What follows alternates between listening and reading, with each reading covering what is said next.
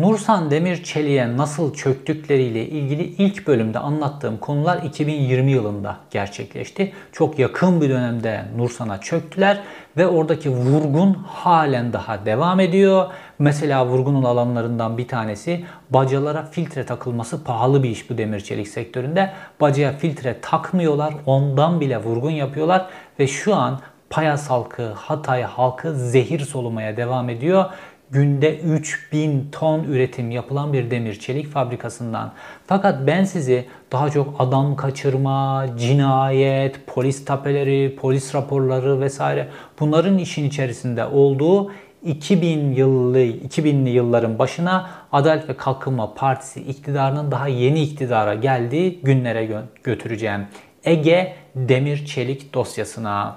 Ege Demir Çelik, Ege Metal ya da kısaca diyebileceğimiz Türkiye'nin önemli demir çelik fabrikalarından bir tanesi. 300 milyon dolar değerinde bir fabrika. Fakat Vakıf Banka sahibinin işletme zorlukları vesaire başka işlerdeki kötü durumları nedeniyle Vakıf Banka olan borçlarını 90 milyon dolarlık bir borcunu ödeyememiş ve Vakıf Bank da fabrikaya el koymuş durumda. Yani devlete geçmiş. Fakat fabrika çalıştırılabilir durumda.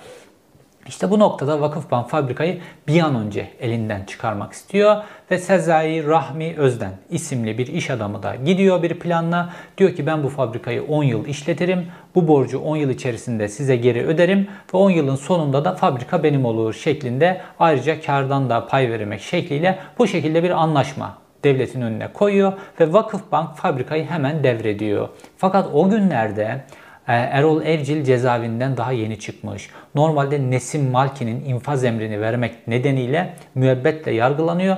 Fakat 34 ay cezaevinde kaldıktan sonra nasıl oluyorsa tahliye ediliyor ve tahliye edildikten sonra da sıcak paranın çok yüksek şekilde döndüğü bu sektöre gözünü dikiyor ve normalde o da Ege Metal ile ilgileniyor. Fakat Vakıfbank çok hızlı biçimde Sezai Rahmi Özden'e bu işi verince bir anda üzerine soğuk su içmek durumunda kalıyorlar ama yılmıyorlar ve Sezai Rahmi Özden'in karşısına gidiyorlar ve diyorlar ki bize buradan hisse vereceksin diyor.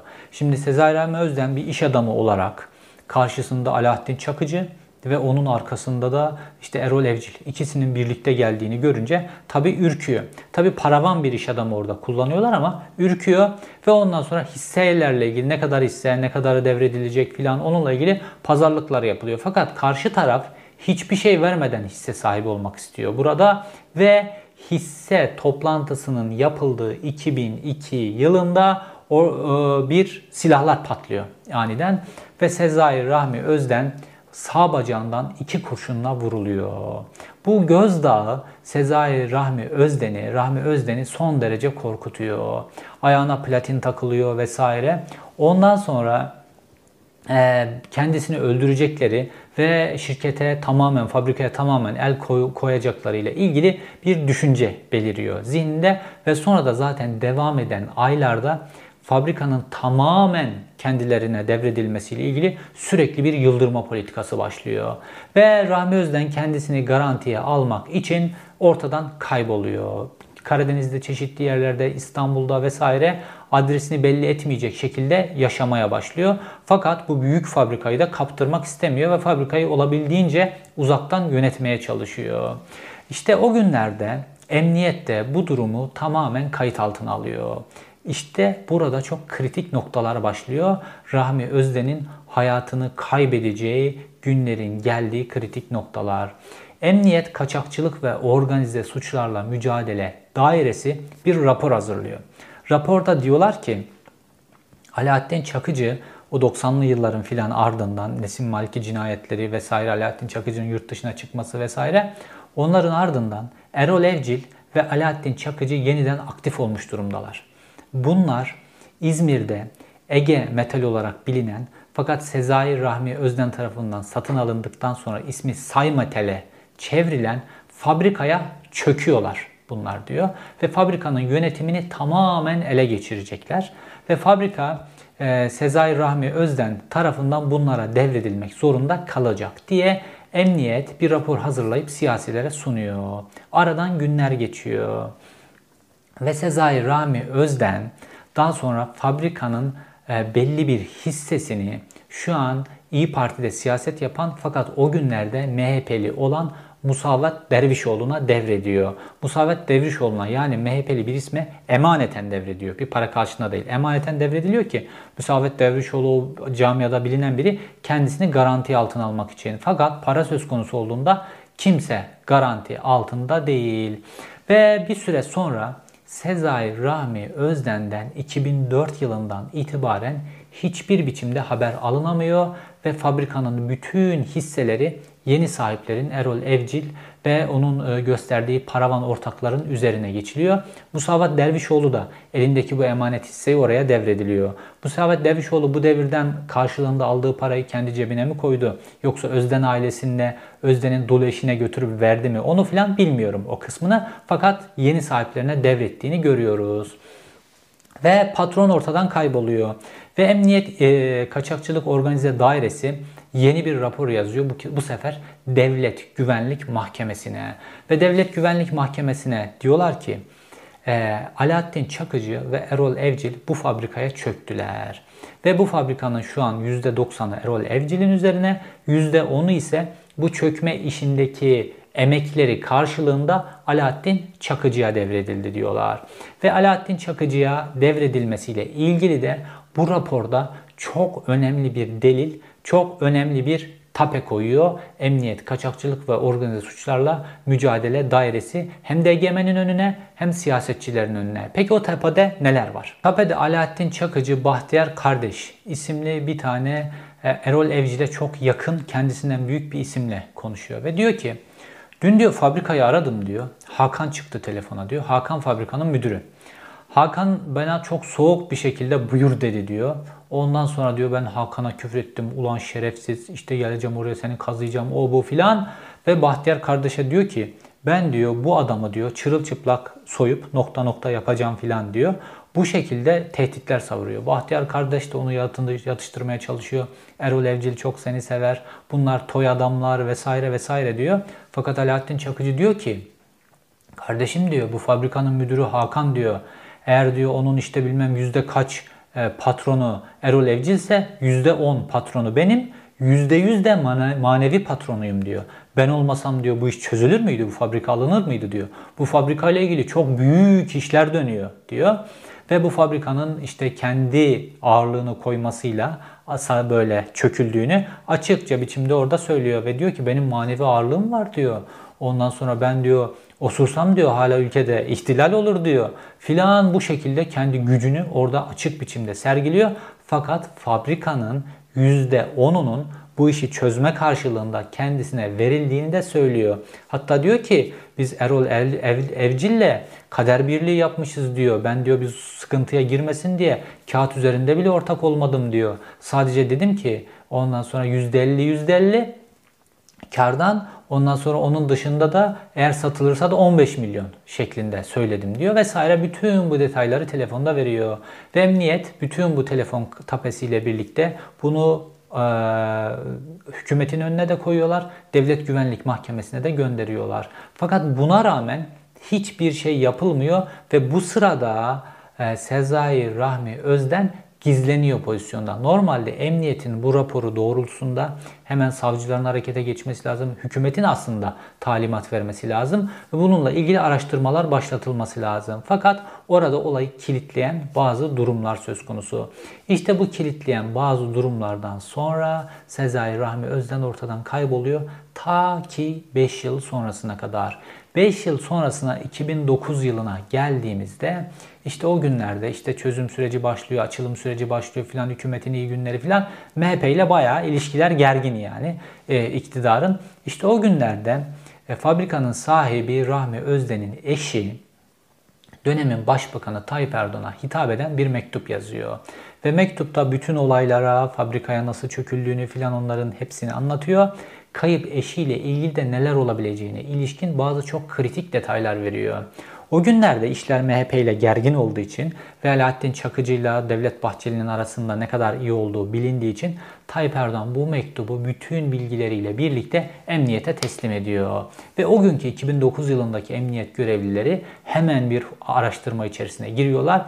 Ki o dönem İzmir'de bayağı iyi emniyet görevlileri var. Hatta emniyet görevlileri daha sonra Tayyip Erdoğan'ın işte 17-25 dosyasına giren Urla'daki o 5 villa yolsuzluğu, Ondan sonra İzmir limanındaki Binali Yıldırım'ın karıştığı yolsuzluklar filan onları da ortaya çıkarıp aslında Tayyip Erdoğan'ın başına sonradan bela olacak dürüst polis memurları. Ve onlar araştırıyorlar.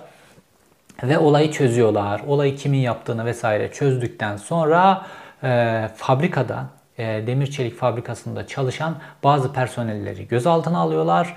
E, bunlar hepsi evcilin adamları ve bu personellerden bir tanesi itirafçı oluyor ve e, Sezai Rami Özden'in e, kemiklerinin bulunduğu yerin e, krokisini veriyor ve emniyet gidip orada e, açtığında oradaki toprağı kazdığında e, başı olmayan bir iskelet buluyorlar.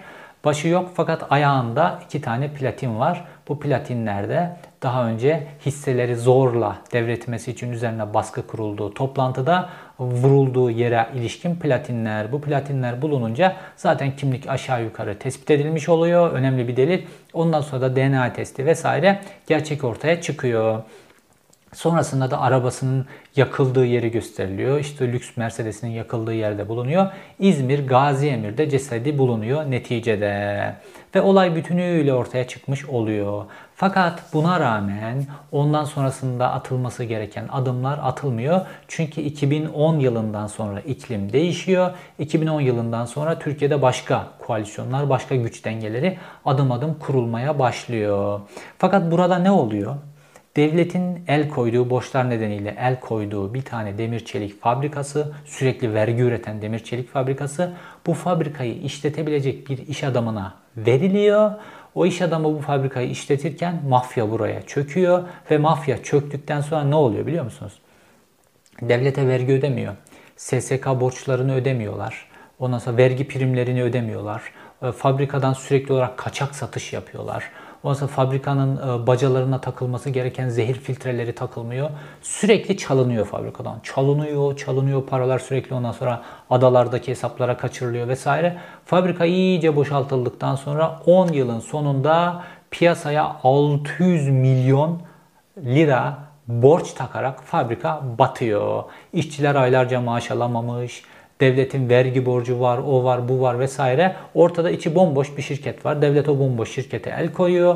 Fabrikanın bütün ekipmanı, şu bu vesaire bunlar eskimiş, üzerinden yıllar geçmiş, modernizasyon yapılmamış vesaire. Çünkü Erol Evcil gibi bir yerlere çöken adamlar orada üretim yapıp üretimi devam ettirmeye falan buna odaklanmazlar. Mevcut orada birileri bir şeyler yapmış, birileri bir şey ortaya koymuş.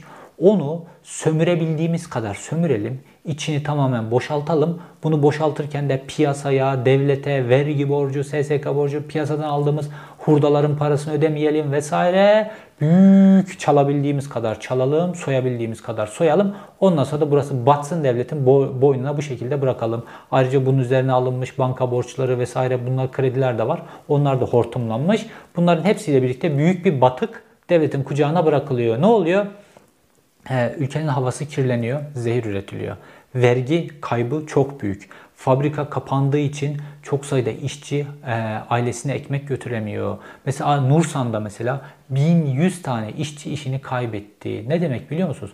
Nursa'nın ayrıca 40 tane de taşeronu var. Bu 40 taşeronla birlikte 18 bin kişilik bir iş hacmi oluşturuyordu Nursan orada. Onu duman ettiler. Aynı şekilde de Ege Metal, sonradan Say Metal olan, sonra evcillerin tekrar ismini değiştirdiği fabrikadan da yüzlerce işçi işini kaybediyor. Devlet milyonlarca, yüz milyonlarca gelir kaybına uğruyor. Ve ortada bir cinayet var. Bu da son derece net. Ve emniyet bütün bunların hepsini zamanında rapor ediyor. Emniyet diyor ki o TAPE ile birlikte gönderdiği raporda diyor ki bu fabrikanın 90 milyon dolar borcu var. Fakat bu fabrikanın ederi 300 milyon dolar. Şimdi bu mafya burayı ele geçiriyor. Bu mafya grubu burayı ele geçiriyor. O 90 milyon borcu ödeseler bile ki ödemiyorlar. Ödeseler bile 210 milyon gibi bir kar elde etmiş olacaklar diyor. Ve satışlar, onlar, bunlar vesaire bunlar da üzerine konulduğunda mafya çok güçlenecek. Yeraltı dünyasından bir grup çok güçlenecek. Bu devlet için son derece tehlikeli. Raporda bu belirtiliyor. Bu belirtilmesine rağmen siyasetçiler gerekli emirleri vermiyorlar. O dönemki Devlet Güvenlik Mahkemesi harekete geçmiyor ve onun sonrasında da göz göre göre bu büyük batık ortaya çıkıyor. Ege Metal Say Metal hadisesi bu şekilde bir cinayet ve perişan olmuş bir aileyle bu şekilde tarihe geçti. Burada icat ettikleri modeli Sivas Demirçelik'e taşıdılar. Nursan Demirçelik daha sonra geldi. Şimdi gelelim Sivas Demirçelik'teki vurgun olayına.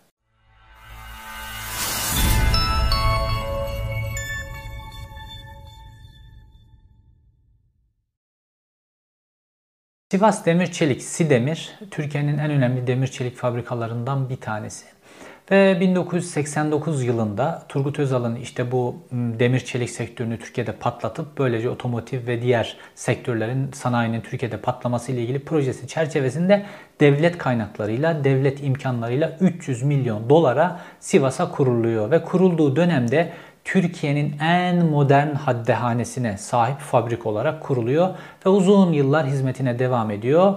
1998 yılına geldiğimizde 28 Şubat sürecinin sürdüğü yıllarda Sivas Demir Çelik Sidemir özelleştirme kapsamına konuyor. Ve normalde büyük iş adamları da talipken bir de Sivas Ortak Girişim Grubu daha düşük teklif vermesine rağmen hükümet Sivaslı, o dönemki yönetim Sivaslı iş adamları vesaire bunların satın alması dolayısıyla Sivas'ın yerel kaynaklarının büyümesi çerçevesinde daha düşük teklife rağmen Sivas Ortak Girişim grubuna burayı veriyor. Fakat belli şartlar var. Bu şartlardan bir tanesi üretim kesinlikle %50'nin altına düşmeyecek üretim kapasitesi. 20 milyon dolar modernizasyon yatırımı yapılacak. Ayrıca 10 yıl içerisinde Sivas Ortak Girişim Grubu hisselerin önemli bir kısmını Sivas'taki oda ve borsalara devredecek. Dolayısıyla hisseler daha çok Sivas geneline yayılacak. Bu şekilde maddeler var. Fakat bu maddelere rağmen Sivas Ortak Girişim Grubu'nun yöneticisi, lideri pozisyondaki Selahattin Rüstemoğlu bildiğimiz açgözlülükle hisselerin %97'sini kendinde topluyor, ele geçiriyor. Ve bu hisselerin tamamını kendinde ele geçirmek için verdiği mücadele sırasında fabrikada doğru düzgün yönetilmediği için %50 üretim şartı tutturulamıyor. Fabrikaya 20 milyon dolar yatırım yapılmıyor. Ayrıca fabrikanın özelleştirilmesi nedeniyle devlet ödenmesi gereken taksitlerde de gecikmeler söz konusu oluyor. Böyle olunca TMSF oraya el koyuyor. El konduktan sonra işte devreye e, tekrar Erol Evcil devreye giriyor aniden ve Erol Evcil burayı ele geçirebilmek için bazı hamleler yapıyor. Fakat o sırada 30 milyon dolar gibi ilk ödenmesi gereken bir taksit var. Vergi borçları da bunun içerisinde. O dönemde ekonomiden sorumlu e, bakan, devlet bakanı Abdüllatif Şener, Adalet ve Kalkınma Partisi iktidarında yıl 2006, 2005'te normalde fabrikaya el konuluyor ve yıl 2006. Abdüllatif Şener çeşitli hesaplamalar yapılıyor vesaire. E, vergi borcunun düşürülmesiyle bu borç 18 milyon dolara geriletiliyor ve Erol Evcil 8,5 milyon dolarlık bir nakit ödemeyle yani borcun yarısını nakit ödemeyle Abdüllatif Şener'in karşısına oturuyor ve ikili Ankara'da bir toplantı gerçekleştiriyorlar. İşte burada emniyet tekrar devreye giriyor. Ve emniyet kaçakçılık ve organize suçlar dairesi hemen hükümete bir rapor sunuyor. Diyor ki aynısını e, Say Metal'de İzmir'de yaptı. Şimdi tekrar yapacak. Fabrikayı ele geçirecek. Buradan vergi vermeyecek. Sigorta primi vermeyecek. Hiçbir şey yapmayacak. Mafya buradan çok güçlenecek. Burayın satışını gerçekleştirmeyin. Fakat Abdüllatif Şener'le Erol Evcil e, Ankara'da baş başa yaptığı görüşmeden sonra bazı şartlarla fabrika Erol Evcil'e, Sivas Demirçelik Erol Evcil'e veriliyor. Şart ne? Fabrika kesinlikle Sivas'tan sökülmeyecek, başka yere götürülmeyecek. Bu şartla Erol Evci ile devrediliyor. Tabi Abdüllatif Şener de muhtemelen o zaman bazı siyasi hesaplar içerisinde filan bir güç devşirmeye çalışıyor. Belki bilmiyorum. Fakat yani Erol Evcil'in ne olduğu belli. Türkbank hadisesi yaşanmış, Nesim Malki cinayeti yaşanmış, ondan dolayı cezaevine girmiş çıkmış. E, müebbetle yargılanması devam ediyor. Bir taraftan Alaaddin Çakıcı ile ilişkileri ortada filan ama veriliyor. O şekilde tekrar fabrika Sivas Demirçelik Erol Evcil'e veriliyor ve ondan sonra film tekrar kopuyor. Evcil fabrikayı devraldığı 2006'dan itibaren doğru düzgün işçilerin SS, SGK'ya olan sigorta primlerini ödemediği, vergi ödemediği, KDV yolsuzlukları vesaire fabrikanın adım adım 2006 yılından itibaren içini boşaltmaya başladı ve Aralık 2016-2015 yılına geldiğimizde fabrikada üretim şak diye durdu. Artık borçlar, fabrikanın e, modernizasyonunun yapılmaması vesaire gibi bütün bu sebepler nedeniyle fabrika artık çalışamaz hale geldi. Fabrika tamamen boşaltılmış, bütün kaynakları soyulmuş vaziyetteydi. Ve fabrikada üretim durduğunda işçilerin ödenmemiş 5 ay maaşı, işçilerin ödenmemiş SGK primleri, devlete birikmiş toplamda 630 milyon TL borç 2015 ile dolara onu vurun şimdinin hesabı ne kadar borç. Ayrıca tasarruf mevduatı sigorta fonunun TMSF'nin e, özelleştirmeden kalan o taksitleri de sürekli e, ertelenmiş vesaire. Bunlardan kalan da 138 milyon dolar bir borç da birikmiş vaziyetteydi. Yani baktığımızda Sivas Demir Çelik'in Erol Evcil'e verilmesi sonucunda devletin bütün kalemleri hesaplandığında 2 milyar TL'lik bir kaybı söz konusu ve fabrika kapandığında da 600 tane işçi işsiz kaldı. Aynı zamanda da bu fabrikaya teşeronluk yapan başka fabrikalar falan da var, başka üreticiler de var. Bunların hepsini de bir araya kattığımızda Sivas için çok büyük bir e, vergi geliri kaybı, çok büyük bir iş gücü kaybı ve Sivas ekonomisi, Sivas sanayisi içinde ayrıca bütün İç Anadolu'ya demir üretimiyle ilgili de işler yapıyordu. Bunların hepsiyle ilgili çok büyük bir iş hacmi ülke için çok büyük bir kayıp söz konusu. Dediğim gibi önce bunu İzmir'de Saymetal'de yaptılar. Ardından Sivas Demir Çelik'te yaptılar. En sonunda da Nursan'a taşıdılar. Bütün bunların hepsi 2002 yılından 2022 yılına geldiğimiz süreç içerisinde gerçekleşti ve Erol Evcil, Alaaddin Çakıcı ikilisi Türkiye'nin en önemli 3 tane demir çelik fabrikasına herkesin gözü önünde emniyetin raporlarına rağmen ilk ikisinde rapor var. Buna rağmen çöktüler. Ve iktidarda aynı parti vardı ve iktidardaki bu parti bu çöküşe göz yumdu ve nihayetinde de bu çöküşün arkasındaki felsefeyle birlikte de Devlet Bahçeli ile birlikte iktidardalar. Fakat söyleme baktığınızda ülkenin en milliyetçi adamı bunlar. Alaaddin Çakıcı çok büyük bir milliyetçi. Erol Evcil çok milliyetçi. Devlet Bahçeli inanılmaz milliyetçi. Tayyip Erdoğan inanılmaz milliyetçi.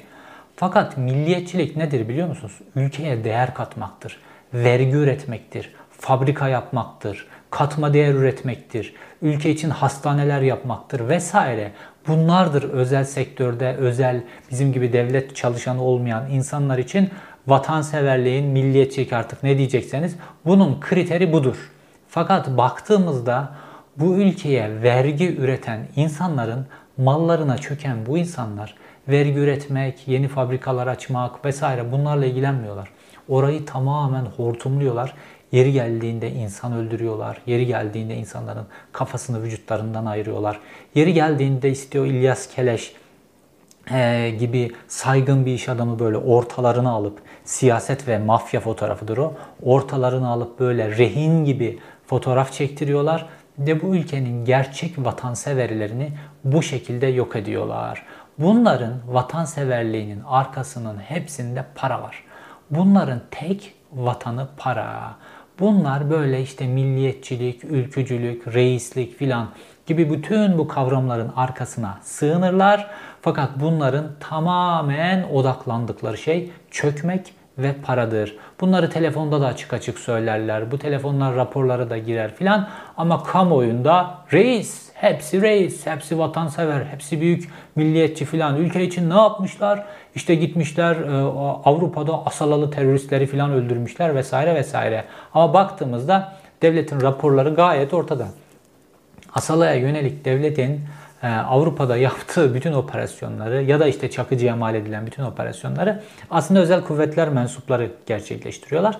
Fakat o sırada o ülkelerde Alaaddin Çakıcı'da bulunduruluyor ki işte o suçlansın bir maske yapıyor devlet kendisine. Fakat arka planda baktığımızda özel kuvvetler mensupları genel olarak bu işi gerçekleştiriyorlar. Özel kuvvetlerden Milli, e, Milli İstihbarat Teşkilatı'na geçmiş kişiler. Fakat bunlar bu namı, bu namı kullanıyorlar ve bu namın arkasında işte böyle saygın iş adamlarının, gerçek sanayicilerin, gerçek vergi üreten, gerçek istihdam üreten en azından fabrikasının bacasına e, filtre takıp ülkenin havasını zehirlemeyen, ülkenin insanlarını zehirlemeyen iş adamlarını yok ediyorlar. O bütün o milliyetçi söylemlerinin altında ülkenin havasını da zehirliyorlar. O şehrin insanlarını da zehirliyorlar. Ve Payas'a baktığımızda Payas'ın yarısı MHP'li, yarısı AKP'li. İşte sizi, sizin çocuklarınızı zehirliyor şu an bu adamlar. O desteklediğiniz zihniyet var ya, sizin çocuklarınızı zehirliyor, geleceğinizi zehirliyor, istihdamınızı elinizden alıyor, verginizi elinizden alıyor. Ülkenizin geleceğini çalıyorlar. Sadece kendilerinin çeşitli adalarda o vergi cenneti adalar var ya, o adalardaki hesaplarını daha da büyütebilmek, daha da büyütebilmek için e, Ege Demir Çelik gitti, Sivas Demir Çelik gitti, sıraya geldi Nursan Demir Çelik. Ülkenin bir değeri daha ortadan yok olacak. Ama ülkenin en milliyetçisi bunlar. Milliyetçilik filan hepsi hikaye. Milliyetçilik lafıyla, vatanseverlik lafıyla bu ülkede vurgun, soygun, talan, çökme inanılmaz iyi biçimde kamufle edilebilir. Baktığımızda hangi aktiviteyi, hangi iş adamlığını, hangi üretimi yapıp da bu adamlar böyle lüks hayatlar e, yaşıyorlar. Alaaddin Çakıcı'nın mesleği ne? Alaaddin Çakıcı ne üretmiş de böyle Türkiye'nin en lüks mekanlarında, en lüks otellerinde, en lüks arabalarını, en lüks hayatı yaşıyor. Erol Evcil ne üretmiş de oraya buraya çökmüş. Ya da Sedat Peker ne üretmiş de böyle lüks hayatın içerisinde yaşıyor. Bunlar ne üretmişler, ne koymuşlar. Bu ülkede gerçekten bir şeyler üretenler ömürlerini veriyorlar. Ve İlyas Keleş ömrünü vermiş bir iş adamı ve ömrünün son günlerinde rehin olarak o oluşturduğu devasa büyüklükte Türkiye'nin ihracatının ilk 100 ilk 100 ihracat yapan firması içine soktuğu yani ülkeye döviz getirdiği firmasının şu an yok edilişini hüzünlü biçimde, hazin biçimde bir esir olarak izlemek durumunda kalıyor. İşte bu ülke kendi değerlerini, kendi vatansever insanlarını bu hale soktuğu için işte o yüzden dolar bu noktada, ekonomi bu noktada insanlar çocuklarına süt alamadıkları için intihar noktasına geliyorlar. İzlediğiniz için teşekkür ederim. Büyük bir vurgunun hikayesini anlattım. İki bölümlük bir videoda. Bunları Türk medyasında maalesef bulamazsınız. Türk medyasında bu konular yasaklı durumda. 2020 yılında 2,5 milyar dolarlık bir varlık varlık üzerine bu şekilde çöküldü. Fakat Türk medyasında satır bilgi yer almadı. Bunun kayıtlara geçmesi açısından bütün bildiklerimi, bütün ulaşabildiğim bilgileri sizinle paylaştım. Bir sonraki videoda görüşmek üzere.